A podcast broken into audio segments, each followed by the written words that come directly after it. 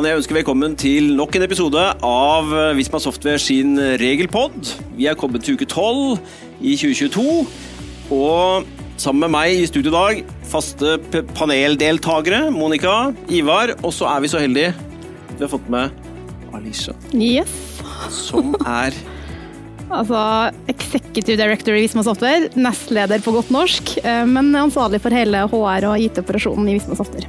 Mm. Supert. Tema i dag Jeg er heldig å ha ved siden av meg i sofaen. Det er du. Ja, det er noe. Vant loddtrekning, Hva skjer da, vet du? Vi skal snakke om eh, Ja, temaet er hva er det du pleier å si? Jobber jeg hjemme eller bor jeg på jobb? Er det det vi kan si? Ja. Så det blir vel hjemmekontor, da, som er, eh, som er dagens tema. Og det, det, har vi vel valgt ut av en spesifikk grunn, har vi ikke det? For det har jo skjedd noe som vi har venta på i ganske mange måneder nå. Ja. Nå har vi jo endelig fått eh, denne forskriften som har kommet, har vi ikke det? Vi har fått en forskrift uh, om endringer i en forskrift fra ja. 2002. om hjemmekontor. Og det har vi venta på. Vi trenger å oppdatere reglene om på en måte hjemmekontor litt, så vi skal komme inn på den. Men også har vi jo bakgrunnen i covid-situasjonen som har vært i, i de siste to årene som vi har, veldig mange har hatt hjemmekontor, tenker jeg. Og mm, det skal vi òg komme til. Så skal vi snakke litt om hvordan eh, vi i software har, eh, har, på en måte løst det. Og der har jo du vært litt talsperson og fronta dette her knytta til hjemmekontrollordninger i software. Absolutt. Mm. Så skal vi si to ord om det. Men først tenkte jeg vi kan ta sånn headlines på hva er nytt i denne forskriften. Mm. For den kom jo nå forrige fredag. Og de reglene trer jo kraft fra 1.7 ja. i år. Og der er det endringer på en del ting som vi må ha med oss. Ehm, og det går jo på når gjelder forskriften. Der har det vært mye diskusjoner om hvilke regler gjelder i en hjemmekontorsituasjon. Og der man har hatt ordninger med hjemmekontor som har vært litt sånn kortvarig og tilfeldig, så har på en måte ikke forskriften vært et tema. Og så har det vært en stor diskusjon om når har man den type arbeid. Så der gjøres det en liten endring i ordlyden, som vi egentlig ikke skal gå så veldig inn i, tenker jeg, men, men vise til community hvor vi sier litt om det. Eh, for det er sikkert viktig for noen. Men så er det òg en setting knytta til det der man på en måte I dag så gjelder disse særreglene ved hjemmekontor når vi sitter i hjemmet, altså hjemme i boligen din, så kommer denne forskriften inn. Og det gjør det ingen endring på. Og det betyr jo at når vi sitter på hytta, eh, er på tjenestereise, så gjelder jo ikke disse særreglene heller. Enig? Helt enig. Ja. Og det blir som før. Så Det er litt av settingen på, på en måte når forskriften gjelder. Og så har de også sagt noe om, og jeg har forskriften her, så blar jeg litt, arbeidstidsbiten. Der har det jo vært mye frem og tilbake. Hvilke arbeidstidsregler gjelder når du sitter hjemme? Og Der har jo forskriften hatt ordninger som sier at vi unntar når du sitter hjemme, har en hybridløsning da særlig, mm. jobber litt på kontor og litt hjemme, så gjelder jo ikke disse alminnelige arbeidstidsreglene. Gjelder ikke overtid, gjelder ikke søndag- nattarbeidregler. Så det er egentlig på mange måter fritt frem når vi sitter hjemme. Med noen begrensninger, da. Men blir fritt frem. Og så har du, når du sitter på kontoret her på Skøyen, så har det vært helt annerledes. Da gjelder jo arbeidsmiljølovens 9 timer, 40 timer, og overtid, alt det der. Og det har vært et styr. Sant? For deg som skal følge opp dette med de ansatte, så tenker jeg hvordan gjør vi det i praksis, da? Mm. Eh, og her gjør de endringer, for nå sier de særreglene i forskriften de tar vi vekk. Så nå gjelder arbeidsmiljøloven i praksis på regelsiden, og så har vi liksom regulert dette i avtale. Eh, når vi skal finne ut av arbeidstidsbiten. Det er viktige endringer. Så har vi arbeidsmiljøet. Ja, det er jo Vi kan jo ikke kalle det en endring. Det er jo mer på en måte en presisering i forhold til hvordan arbeidsmiljøet skal være. Eh, så har vi disse tradisjonelle arbeidsmiljøfaktorene. ikke sant? Dette med hjemmekontor. Da sitter du gjerne med en PC, du har en skjerm. Det handler om hvordan du sitter, det handler om hvordan du jobber. Og dette er jo ting som er enkle å identifisere og på en måte enkle å se at her skal arbeidsgiver ta hensyn. Da. Det som er litt vanskeligere, det er jo det psykososiale. Og det er ikke sånn at det ikke har vært gjeldende før, at arbeidsgiver har et ansvar for det psykososiale arbeidsmiljøet. Men nå løfter de det opp enda tydeligere ved å få det inn i forskriften at arbeidsgiver har ansvar for det psykososiale arbeidsmiljøet. Og at det er forsvarlig. Da. Og det tenker jeg er veldig viktig eh, at det løftes opp. Eh, for det er kan være tøft for noen å sitte hjemme i en sånn pandemisituasjon vi har hatt. Da. Mm. Eh, så har jo fokuset vært kanskje veldig konsentrert på det, og man har hatt mye fokus på det. Eh, men så er det viktig at man ikke glemmer det hvis man tillater hjemmekontor i mye større grad nå enn man har gjort før. Eh, så glemmer man kanskje litt denne særsituasjonen som mange var i. Men det endrer seg ikke at man fortsatt må hensynta det psykososiale. Så det løfter de opp da veldig i forskriften og, og setter fokus på. Det er en veldig positiv ting. eh, Det skal vi komme det. litt tilbake til. Ja. Um, og Det siste er vel kanskje det med skriftlig avtale som vi skal ha når vi har hjemmekontor. ikke sant? For Formålet er å belyse hva gjelder når jeg jobber hjemmefra. Eh, og Det endrer man heller ikke uh, i selve den nye forskriften, så avtalen må foreligge fortsatt. Eh, og så er det gjort noen unntak i forhold til når vi slipper avtale, sånn som vi har vært igjennom nå med covid. Når vi blir myndighetspålagt å ha hjemmekontor, så skal vi slippe å lage en avtale. Skal det erstattes i stedet med at man kan gi informasjon til tillitsvalgte på jobben i, eh, om de samme tingene, på en måte, og det holder. Og det er eh, på overliggeren de nye tingene i forskriften. Nå skal vi komme tilbake til, eh, til flere av de tingene, tenker jeg, nå etter hvert. Men Alisha, to år I mars 2020 så sto du her og sa nå er vi pålagt å jobbe hjemmefra. Ja. Og så tenkte i hvert fall jeg ja, ja, ja, dette blir vel noen uker, og så er jeg tilbake igjen. Ja, tilbake for påske, tror jeg mange Nei. har tenkt. Eller, Og sånn ble det jo ikke. Du, du hørte på Teng, Tegnell i Sverige, tenker jeg? Ja, han Var det ikke mai-juni vi skulle være tilbake igjen? Jo, Det men det blei jo ikke sånn. To år, Ja. Erfaringer. Det har jo vært en absurd situasjon. Ja. Og jeg tror jo liksom også at vi, ja, vi tok jo bare med oss PC-en og utstyret man trengte der, og da bare gikk hjem og var helt sånn confused på hvor lenge skal man være hjem. Så har det jo skjedd utrolig mye eh, gjennom de to årene. Ja. Og eh, vi har jo blitt godt vant med fleksibiliteten, heldigvis. Absolutt. Så det har jo kommet noe veldig godt ut av det. At det er enklere å ha en mer fleksibel hverdag. Og så er det jo selvfølgelig veldig krevende å sitte alene, isolert, bort fra team, kompetansedeling, uformelle kompetanse. Mange sitter helt alene i små leiligheter eller hus som ikke er egnet til konsentrasjonsarbeid. Så det, er jo, det er en bakside av den fleksibiliteten også. Og så er det jo da, når man kommer tilbake i etterkant, nye normalen. Hvordan skal den se ut? Hvordan skal vi klare å tilpasse oss det gode man har fått med seg og tatt i bruk? eh, Versus det å bygge en kultur og ha samhold og møte og ta vare på det psykososiale, som du sier.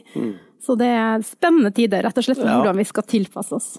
Absolutt. Veldig vanskelig for, eh, for deg som arbeidsgiver, fordi vi- vi er alle forskjellige. Vi har vidt forskjellige situasjoner. Mm. Og jeg husker to, var vel ja, to mai, kanskje april-mai ut i mai en gang, og så var jeg en tur på kontoret på Gran, for det var åpent. Ja. Og så kommer en kollega bort. 'Å, så deilig å se dere igjen'. Uh, så sier jeg ja, jeg syns det er greit liksom, å ha hjemmekontor. Jeg slipper å kjøre. Og, uh, og det er greit. Jeg har et eget rom i andre etasjen hjemme. Det står liksom Visma på døra, går inn der jeg er på jobb, og går ut igjen så er jeg privaten. Um, så at jeg syns det var helt strålende å ha hjemmekontor. Og de eh, ja, ja, jeg skjønner det, men jeg har jo ikke noe eget rom, og så bor jeg aleine. Så jeg sitter på kjøkkenet. Eh, Så for meg så går dette her på en måte litt i hverandre. Den tanken hadde ikke jeg tenkt før jeg sa det. Ja. Så jeg syns hvor store forskjeller egentlig hva dere skal håndtere en sånn en som meg, da, som kanskje er lett å håndtere det. Og så, og så alle har sine varianter. da. Det bygger jo godt opp under eh, altså HR Norge sammen med Kantar gjør disse halvårlige arbeidsmiljøundersøkelsene. Nå har de jo kommet ut med, med på bakgrunn av annet med hjemmekontor. Og de som har greid seg best i hjemmekontorsituasjonen de siste to årene Menn 60 pluss. Ja. Det kjenner jeg igjen. Ja, det er spot on. Så dette, dette tror jeg stemmer i meg. Ja, synes det stemmer det. Men, men jeg tenker det vi får, i hvert fall jeg har fått mange spørsmål om nå, når folk er på vei tilbake igjen på jobb, og covid forhåpentligvis er over, det er jo at ansatte har, som du er inne på, sant, satt veldig pris på, og veldig mange har greid seg veldig godt på hjemmekontor, og satt pris på fleksibiliteten og det som følger med. Og så kommer arbeidsgiver nå på banen og sier nå er det slutt på det. Ja. Nå skal vi møte på kontoret igjen. Og hva gjelder da? ikke sant? Kan jeg kreve hjemmekontor? Jeg vil jo beholde dette her. Eller eh, kan arbeidsgiver be meg møte på jobb? Mm. Og arbeidsgiver kan jo be deg møte på jobb. Det er jo opp til hver enkelt arbeidsgiver å bestemme hvordan måte, arbeidsmiljøet skal være, og hvordan arbeid skal foregå.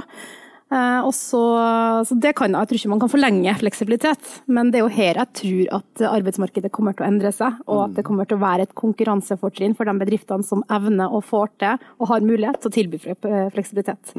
Men det òg tror jeg har en pris. så det er jo liksom hvordan trår man riktig i dette her, sånn at man klarer å skape et godt arbeidsmiljøkultur rundt den fleksibiliteten som funker for dem som har lyst å sitte hjemme, og prefererer egentlig å sitte mest hjemme, versus de kanskje unge, nyutdanna som kommer rett inn, og som i hvert fall min erfaring, har så lyst å være på kontoret hver dag Ja. og ha et miljø rundt seg. Jeg er helt enig. Jeg tenker at Jussen i det er jo egentlig ganske enkel. fordi at du har ikke, altså Jeg som arbeidstaker kan ikke kreve det. Hjemmekontor Hjemmekontor. Arbeidsgiver kan heller ikke utgangspunktet pålegge det, for alt dette bygger på avtale og frivillighet. Eh, Og så må man finne gode løsninger, som du var inne på. Og, det jeg, og jeg tror det er knallviktig. Men her får du den også den praktiske, sånn som man nå på en måte i software. da. Mm. Sant? Vi åpner for hjemmekontorløsninger. Så sier man, da må vi ha en skriftlig avtale med hver enkelt. Mm. Og det, Der har vi òg fått en del spørsmål om det praktiske. Ja, men herregud, vi har jo 400 ansatte. Hvordan skal jeg, Må jeg lage en skriftlig avtale med hver enkelt? Altså All den administrasjonen som følger med på det. Og i Software for eksempel, vi er jo store. Så var det sånn at du satt med 400 avtaler og skrev det på en igjen og reiste rundt til hver enkelt arbeidstaker for å løse det? Eller er vi litt lenger fremme? har vi kommet litt lenger enn det. Så det var det minste problemet å få til de avtaleverkene. Det er jo selvfølgelig automatisert med Ja. eh, Google Sheets og få det automatikk i arbeidskontraktene, og selvfølgelig digital signering. Så det var egentlig ikke noe problem i hele tatt. Men problemet som jeg vet at veldig mange selskap eh, har, er jo å kartlegge hver enkelt ansatte sin behov for fleksibilitet. Og det er jo selvfølgelig en mapping man må gjøre. Og der er jo liksom å ta litt enkle regler på ok, greit, er det noen avdelinger som man må gå inn individuelt og snakke med, eller kan man tenke avdeling som helhet, kan man tenke selskap som helhet? Vi har jo gjort det veldig enkelt og hadde en prøveordning på et halvt år, hvor vi sa at eh, i kontraktene så er det 40-60% fleksibilitet. Som i praksis betyr at vi håper og forventer at vi er tilbake på kontoret to til tre ganger i uka. Resten kan du styre i stor grad sjøl. Eh, og så har vi egentlig bare sagt at hvis det funker, og noe vi har konkludert med, så viderefører vi bare den fleksibiliteten. Og så har det selvfølgelig vært noen få unntak i de kontraktene som vi da håndterer individuelt. Men det har jo gjort at arbeidet der har vært veldig overkommelig, da. Men det har fungert for oss og vår kultur og måten vi jobber på. Jeg er litt spent på å høre, fordi vi har jo flere lokasjoner. Fredrikstad, Gran, som vi tilhører, her på Skøyen. Har dere merket noe forskjell på lokasjonen i forhold til hvem som vil tilbake igjen, eller eh, vil være mer eh, på fysisk kontor, da? Nei, ikke på lokasjon. Det er mer basert på alder, faktisk. Okay. Mann 60, over 60, år? ja. Mann over 60 er være hjemme? ja. Eh, Men også vi ser at folk som har barn, ikke bare kvinner, heldigvis, vi ser også det samme på menn, men folk som har barn, og som har ofte sånn henting, levering og hektiske hverdager på morgenen og i ettermiddagene, de ønsker også på en måte, å jobbe mer hjemmefra. Da. Eller sånn som vi har sagt at men ta da digitale møter på morgenen, og så kan du komme inn på kontoret når det måtte passe å være fysisk til stede og gå tidlig. At vi har liksom definert en ny kjernetid på kontoret, eh, som er annerledes enn en tidligere. Da. Jeg må si at uh, tusen takk som arbeidsgiver at vi har fått den muligheten. Det er jo bare helt fabelaktig. Vi er kjempeheldige. Uh, og vi skal, bare, altså, vi skal tenke litt over hvor heldige vi egentlig er. I den settingen som vi sitter i hvert fall. Eh, og så må vi også tenke på de som da vil kreve å ha hjemmekontor. Det er mange arbeidsgrupper som ikke har den muligheten. Altså. Sitter i kassa på Kiwi eller Rema, kjører tog, mm. konduktør, eh, Ja. jobber i barnehage, jobber på skole. Ja. Som ikke har muligheten på hjemmekontor. Så kan ha den liksom litt tilbake før det begynner å kreve for mye. Det er et veldig godt poeng. Hvis det er en ut, altså, utrolig privilegert situasjon med fleksibilitet. Så, men jeg tenker jo også at den nye fleksibiliteten gjør at man legger jo et større ansvar på hver enkelt ansatt. Fordi at den fleksibiliteten har jo en pris. Du må faktisk tilpasse deg i langt større grad. Du må finne ut mer liksom, tilpasse behovet til teamet. Kanskje du har et team som har mye nyansatte. Ja, da forventes det kanskje, og du bør prioritere å komme deg inn på kontoret, ha den kompetanse for det, eh, overføringa. Så, så man, det legger et større press også på hvert enkelt individ på Det kan ikke bare være sånn ja, men jeg vil jobbe hjemmefra, så derfor så kommer jeg aldri inn på kontoret. Så jeg vet jo at du velger å komme inn på kontoret for at du vet at det er viktig for resten av miljøet rundt hvorfor? Jeg elsker mine kollegaer. Ja. ja, men det er jo viktig. Det ja. Det krever nye tanker hos arbeidsgivere også i forhold til hvordan man tilrettelegger og hvordan man ser individene. For man, man må faktisk se på litt andre typer risikofaktorer. F.eks. på internkontrollen sin. Da.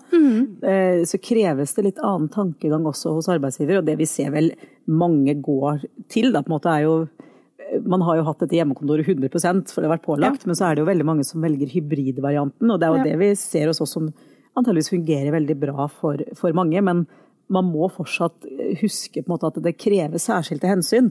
Og Og Visma syns jeg har vært veldig god på det. mm. Og hele tiden på måte vært på ballen her og, og satt inn tiltak som har vært veldig gode fornuft, fornuftige, i hvert fall sett fra vårt perspektiv. Da, som både arbeidstaker og som på en måte At vi sitter Ja. med disse fagområdene. Yes. Ja, så for oss så har det vært dobbeltspennende, dobbelt spennende, egentlig, å følge med på hva som Sånn har skjedd. ekstra press for oss da, på å trå riktig arbeidsmiljøloven og Ja, men der har du, der har du oss. Og Ja, det er veldig deilig. har det vært litt, vært litt morsomt, der, fordi det, det har skapt en ny utfordring. Eh, Og en av de uttrykkene som jeg kanskje husker best, hører du meg nå? Er lyden på nå? Ja. Hallo? Er det ingen som ser meg? Hallo? ja. Det er jo sånn menn over 60-problematikk igjen. Ja, jeg føler vel at den er jeg ikke aleine om. Nei. Men jeg tenker jo jeg tenker også at man kan, man kan snu det andre veien, for jeg tenker at the new normal da, det er jo gjerne en hybridvariant. Og jeg tror det er veldig fornuftig at man ikke verker bare, bare sitter hjemme, eh, og at man har muligheten. Eh, og da ja. Da kan vi jo snu det rundt også. Sett med arbeidsgivers øyne så er det jo viktig å tilby den type løsninger. Ikke? For de som går tilbake til en helt åtte til fire mandag til fredag-variant, så risikerer man jo fort å miste ansatte også. Vi lever av kompetanse og beholde mennesker, og det er klart, dette tror jeg mange Ja. setter pris på. Å ha muligheten til den fleksibiliteten for å få hjemmelivet til å gå i hop og alt dette her. Så det er greit å ha med seg det òg, som arbeidsgiver, at det kan være smart. Vurdere dette her. Det kan være smart, og så tror jeg at mm, det er viktig at man går opp retningslinjer på hva betyr det. For det er jo det som er så vanskelig å navigere rundt. Da, for at det betyr også at man eh, kanskje kan føre på en forventning, press på å jobbe 24 timer i døgnet. Eh, man er alltid tilgjengelig i dagens situasjon, og så plutselig har man kanskje kollegaer som eh, ja, har tatt seg fri på arbeidsdagen fordi at man skal ordne noen praktiske ting, eller har behov for å ut og løpe i dagslys, som vi har sagt at det er helt innafor. Eh, og da jobbe igjen de timene på kvelden, så skaper jo det også noen forventninger til dem rundt dem. Da. Så det å sette tydelige retningslinjer på når er arbeidstiden, og den er jo åtte til fire. Den, eh, Vi har ikke møter utenfor arbeidstid, eh, for det kan fort bli en veldig ukultur. Men også når tid forventer du svar fra kollegaene dine. Ikke forvent svar utenfor arbeidstid. Ikke gjør arbeidsoppgaver som på en måte forventer at du trenger hjelp eller sparring på. Og så er det jo masse kul funksjonalitet i teknologien her. Du trenger ikke å sende mail på kvelden, du kan utsette sendinger på Slack-meldinger og alt. Altså, vær bevisst, og den bevisstgjøringa tror jeg er viktig for å skape en bra arbeidskultur eh, i den nye hverdagen. Det tror jeg er kjempeviktig, og det tror jeg også blir i praksis, kanskje. Fordi Arbeidstilsynet er de som skal følge opp dette her. Når det gjelder arbeidstidsregler. Eh, og så kan man jo tenke at ja, hvordan skal jeg greie å kontrollere den ansatte sitt hjemme og jobber? Eh, og når man jobber, og, når man, og hvordan skal jeg telle til ni, da, hvis Ja. det er ni timer som er utgangspunktet i arbeidsmiljøloven. Og det er jo en, en eh, håpløs greie, for de reiser jo ikke hjem til mennesker. Og det har de nå presisert i forskriften. Det trenger vi ikke, heldigvis. Altså, det var veldig hyggelig å komme hjem til Ja, ja, ja. ja. Og det er jo da på en måte så ligger noe der, men det de sier de vil se på, det er jo nettopp det du er inne på. Hva har på en måte arbeidsgiver gjort i forhold til retningslinjer sendt ut i organisasjonen, hva man forventer, med tanke på at de ansatte er tilgjengelige osv. Mm. Det er klart, Vi sitter jo i vår avdeling da, som jobber med dette her, er jo ganske spente på kommer det noe. Eh, og jeg bare sier at det som dere har sendt ut, er utrolig bra. altså. Så jeg er litt stolt av å sitte i sofaen sammen med sjefen i Visma. Ja, det er veldig hyggelig. det er veldig hyggelig Ja, det, du det, for det er lov til å gi ros, men det kan også gi ris hvis Ja, det ja, er ja. det. Så De guidelinene som er lagd, det er jo et godt eksempel på det, ikke sant? som du kan bruke til å dokumentere hvis man skulle ta opp dette som et tema sånn formelt sett. Det er supert. Det er helt knallbra. Og her er det jo endringer, som vi var inne på. Alle særregler om arbeidstid 1. juli ut gjelder ikke, og tilbake igjen til samme reglene enten du sitter hjemme på kontoret. Så det blir jo lettere sånn sett. Men det er jo en annen nedside. Fleksibiliteten blir jo litt mindre, da. Da er det jo noen grenser for hvor mye du kan jobbe i døgnet igjen. Da kommer overtidsreglene inn. Da kommer det er ikke lov å jobbe hjemmefra på søndag, eh, som hovedregel. Etter ni om kvelden på hverdager. For da har vi jo nattarbeid. Altså alt dette Unnskyld, styret. Ja. Eh, blir jo da en issue. Ja. Også når man jobber hjemmefra. Ja. Jeg tenker jo at de aller fleste bedriftene har forholdt seg til at sånn er arbeidshverdagen. Så eh, jeg har hvert fall ikke Jeg ble jo litt overraska når det kom. Jeg trodde egentlig at det var på plass, at sånn var det selvfølgelig.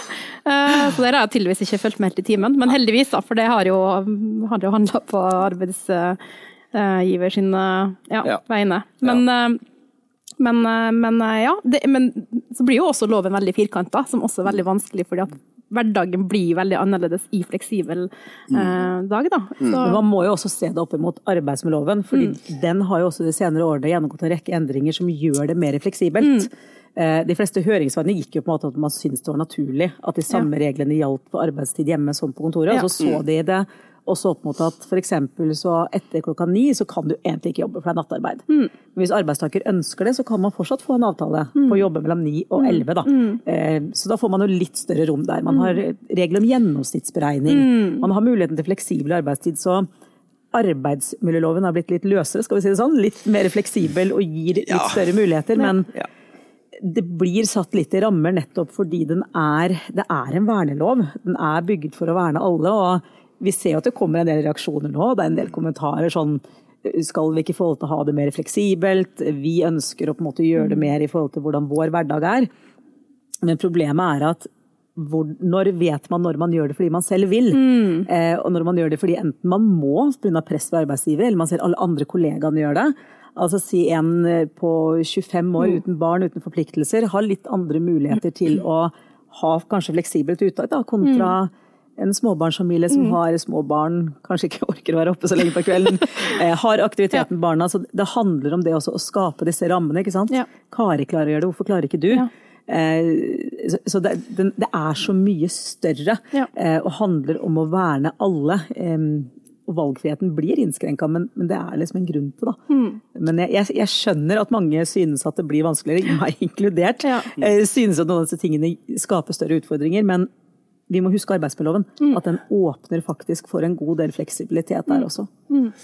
Så tenker jeg at løsningen kanskje er fordi at i praksis er jo ikke dette så lett å følge opp. Og, jeg, og, og, og det å skape en fleksibel arbeidskultur da, i en virksomhet, på en måte som er litt å gi og ta, det er kanskje fasiten. Ja, Ja. Eh, og det er Absolutt. absolutt. Og det er derfor jeg tror det er så viktig å være tydelig på rammene Ja. rundt det, forventningene som på en måte ligger i bunnen. Det er det vi må eh, være tydelige på. For jeg er jo mer bekymra at folk egentlig skal jobbe for mye enn for lite. Og det har jo i hvert fall når vi har sett på gjennom pandemien nå i to år med over 400 ansatte, så har ikke vi merka noe på produktiviteten. Vi har ikke merka at folk sluntrer unna. Det er liksom, jeg er ikke bekymra for det, jeg er mer bekymra for at man skal kjenne et press på å jobbe altfor mye og slite seg ut. Så der vil vi være tydelige på retningslinjene. Og jeg tror liksom de få unntakene av folk som på en måte sluntrer unna, de hadde gjort det på kontoret òg. De hadde sittet på VG eller gjort andre ting på, i arbeidstid heller. Det er ikke noe forskjell her.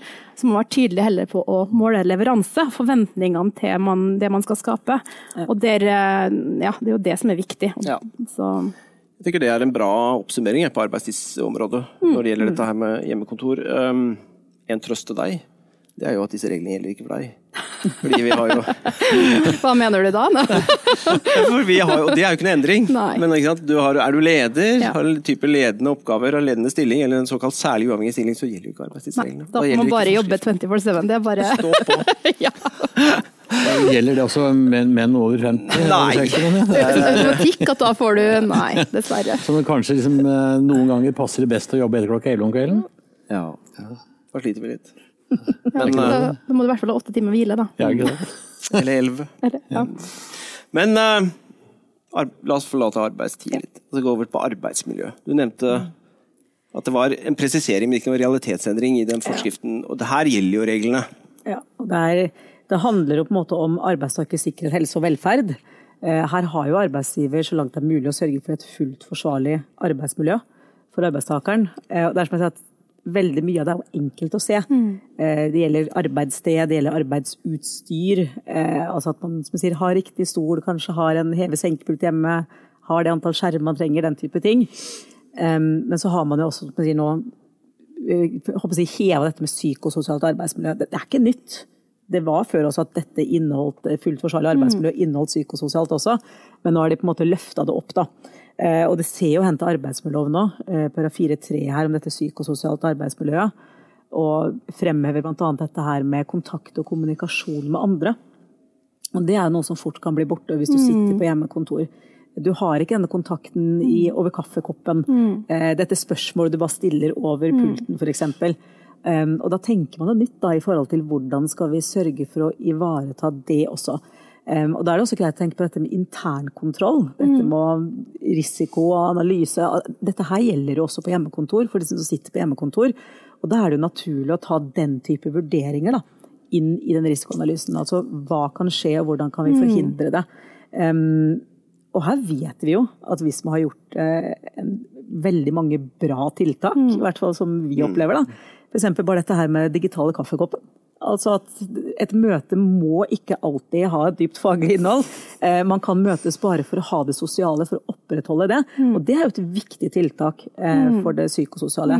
Men kanskje du kan si litt mer om altså, hva har Visma gjort da, i forhold til arbeidsmiljøet, og sørge for at det er et forsvarlig arbeidsmiljø?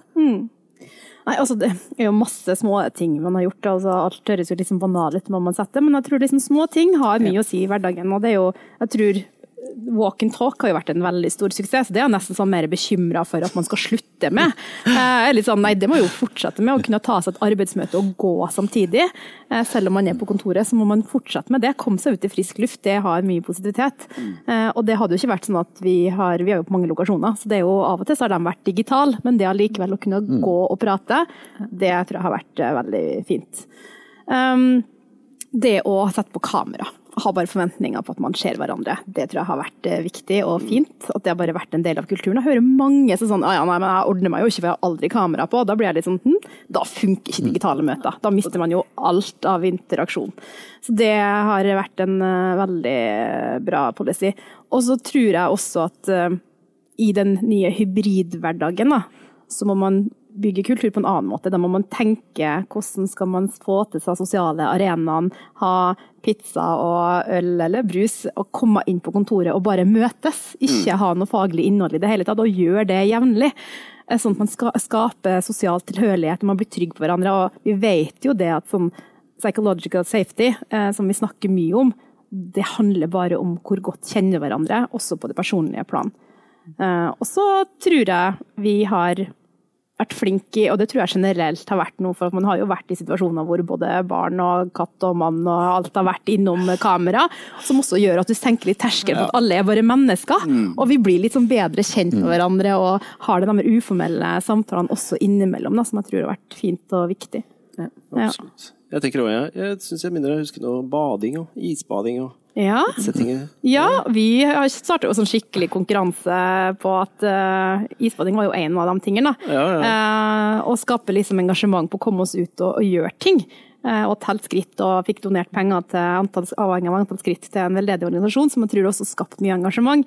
Men eh, jeg har jo fortsatt med isbading etter det, da. Så nå har jeg begynt med isbading en gang i uka. Det er ganske imponerende. Ja, det er, ja, det er ganske sjukt. Ganske langt ut fra min komfortsone. Men det viser jo at liksom, sånne ting har skapt mye engasjement. Da. Og det var mange som var med og isbada i den perioden, så det var veldig kult.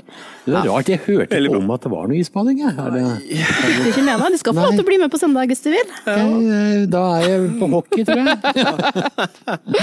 Så bra. Eh, I forhold til arbeidsmiljø så tenker jeg dette med, med å altså Mange mener jo at eh, når man har et arbeidsplass hjemme, og man inngår en langvarig kontrakt om å sitte hjemme og ha hjemmekontor, så har vi også forpliktelser til å sørge for at arbeidsmiljøet er fullt forsvarlig sånn fysisk sett, med heve, senke, pulte, lys. Alt det der. Hva har, på måte, hva har tanken Hvordan har det vært løst i software? Ja, og der har det vært mye diskusjoner. Og det tror jeg ikke bare har vært hos oss, det har vært generelt i andre visumselskaper, generelt av alle jeg kjenner egentlig. Altså, hvordan skal vi løse det? For det koster mye penger for utstyr. Skal man ha dobbelt opp? Um, ja, og så er det jo så det har vært en sånn hard nøtt egentlig å knekke, men vi har jo alltid sagt at liksom, du får lån alt av utstyr du trenger. Eh, Trenger du noe ekstra, snakk med nærmeste leder, så finner vi ut av en bra løsning. Så i utgangspunktet så vi sånn, du skal ha det utstyret du trenger for å være produktiv og effektiv. Eh, du skal ikke, det å sitte på en kjøkkenstol, det funker ikke i det lange løp. Det går ikke, det må man ikke gjøre. Eh, så vi har jo tilrettelagt for alt det. Og da er jo da spørsmålet når vi skulle tilbake på kontoret, og ikke hadde utstyret på kontoret lenger, hva gjør man da? Ja, ja, ja. Og det har vært en sånn diskusjon, skal vi da fylle opp med alt av nytt utstyr? Og så er det jo sånn vi vet at mange vil jo ha utstyret sitt bort fra kjøkkenbordet og ha det på kontoret igjen, fordi at man ønsker ikke å ha utstyret hjem.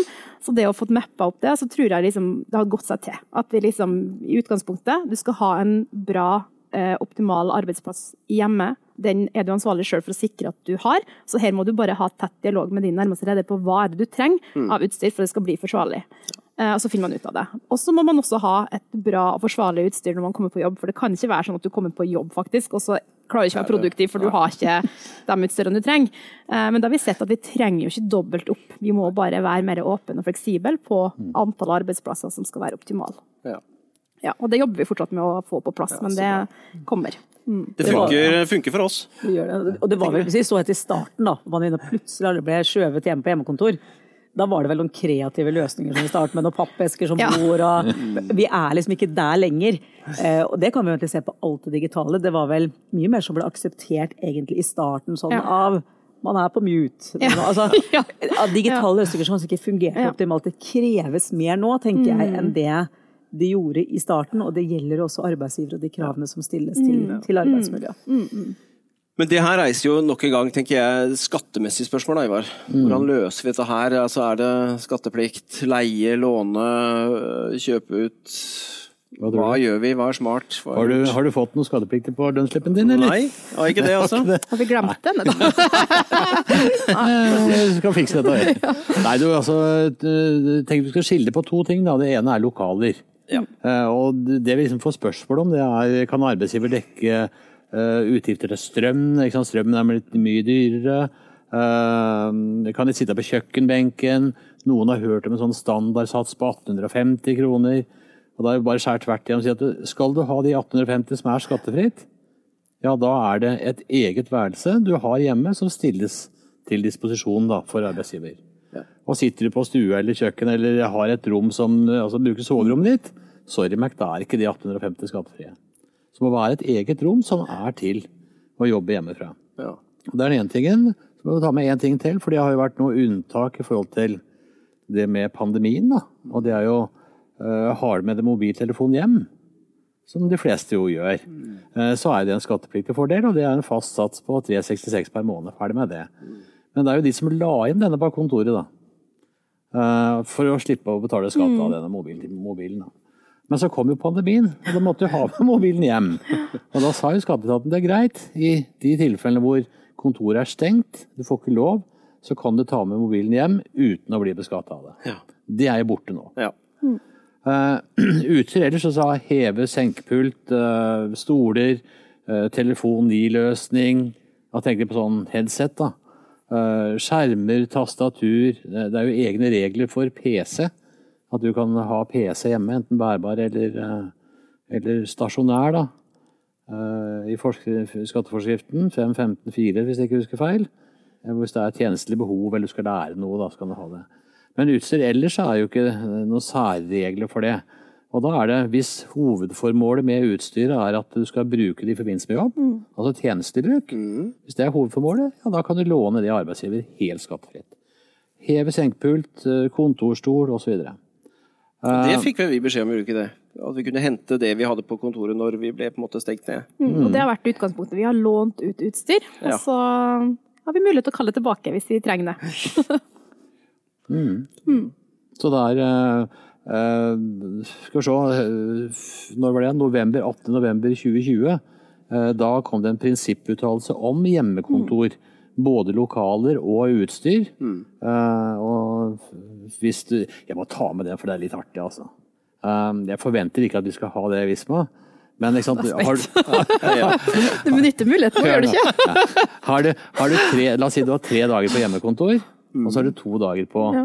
på Gran-kontor eller Skøyen-kontoret. da. Så betyr det at hjemmekontoret er ditt faste arbeidssted. Mm.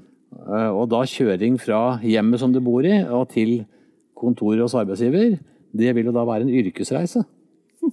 Å, du kjører reiseregning. Så da altså. kan du få 350 skattefritt for å kjøre på vanlig kontor, altså.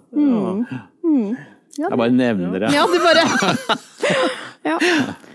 Det var den avtalen. Det er veldig, veldig, veldig, veldig, veldig få som, som kjører den ordningen der, altså. Ja, jeg tenker liksom, Det handler jo litt altså skal, eh, Vil man at en arbeidsgiver skal tilby den fleksibiliteten, så må det ikke bli for dyrt. For da blir Helt det jo hver sånn Nei, men vet du hva, da kommer dere alle tilbake på kontoret, da. Ferdig snakka. For det blir for mye jobb og for mye administrasjon, og ting koster penger, og det blir for dyrt, da. Men klart, vi har jo fått spørsmål om det, ikke sant? og da må vi jo si sånn er jo skattereglene. Ja ja, absolutt. Men eh, jeg kan jo hente tilbake den jeg sa i stad. Um, hvor mye skal vi kreve? Ja.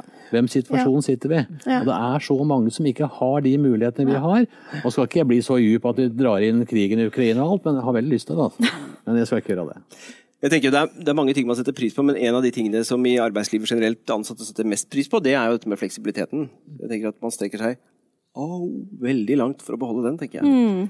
Eh, og det er jo et poeng. I Singapore så leste jeg at de, uh, for å beholde hjemmekontor så var de villige til å gi fra seg to månedslønner bare for å få lov til å fortsette med det.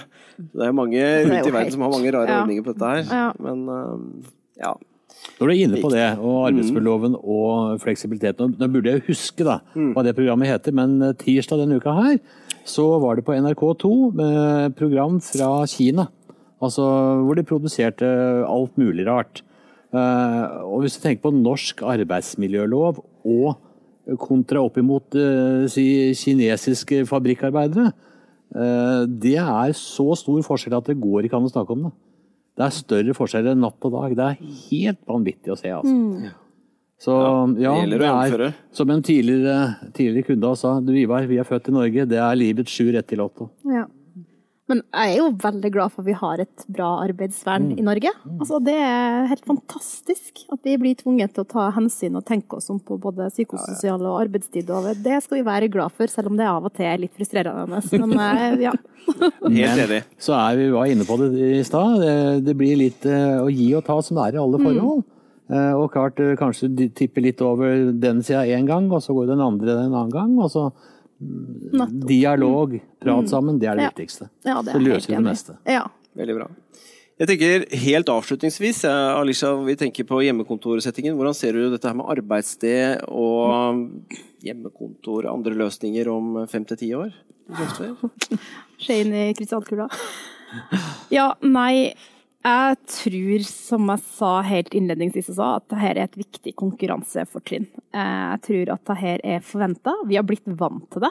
Eh, altså, for min egen del, skulle noen ha sagt at jeg skal være tilbake på kontoret nå åtte til fire hver dag, det hadde jeg slitt med. Det hadde jeg ikke Altså, jeg skjønner egentlig ikke hvordan hverdagen min gikk opp før pandemien, men Nei. den gjorde jo det. Ja. Men man blir godt vant, og man ser at det funker, og det skaper et større engasjement blant ansatte. Vi ser jo det i medarbeiderundersøkelsen at den har gått eh, høyt, mm. og at den setter pris på. Så jeg tenker, vet du hva? Nei, da skal vi fortsette med. Og det tror jeg er kommet for å bli. Og så må man bare klare å finne rammer som gjør at det fungerer. Og her er alle bedrifter forskjellige, så man må bare tilpasse og se hva funker. Se på ulike roller man har, hva, hvordan må man tilpasse for at man skal ha en fleksibel hverdag, selv om på en måte det er noen settinger som man må møte opp på kontoret og være sammen med kollegaene sine. For det er viktig, det òg. Syns jeg var veldig gode ord på slutten. avrunde temaet hjemmekontor. Så tusen takk for at du tok deg tid til å være med. Tusen takk for at jeg fikk lov. Det var kjempegøy. Du kommer igjen. Ja, det gjør jeg absolutt. Hvis jeg får lov, så gjør jeg det. Helt klart. Veldig, veldig bra. Nå må vi jo si at eh, når du har artikler ute på Community, Mm. og også i forhold til eh, det å ha hjemmesider i utlandet, som er litt spesielt. Ja. Der, og vi har jo ansatte i utlandet. Yes. Det er jo en annen ting å ha ansatte i utlandet, men vi har også folk som i økende grad spør om å jobbe i utlandet. Og det er jo veldig interessant. Det må vi ha en egen podkast Ja, det, ja. Det kommer nok en pod der òg, men jeg vi kan si her, du, du må få tenke deg om en gang Yes. eller to før du gjør det, for det kan ha ganske store konsekvenser både for arbeidsgiver og ikke minst for arbeidstaker selv. Så ikke gjør det sånn helt uten videre uten å ha satt foten Ja. nedi bakken og tenkt. Ja. Ja. Ligger et pek på kommunen. Ja, gjør det. Så les gjerne den. Dere finner masse fagstoff der. Um, og med det så takker jeg hjerteligst for alle bidrag. Tema. Så høres vi igjen om ikke lenge. Om 14 dager. Nytt tema. Blir spennende.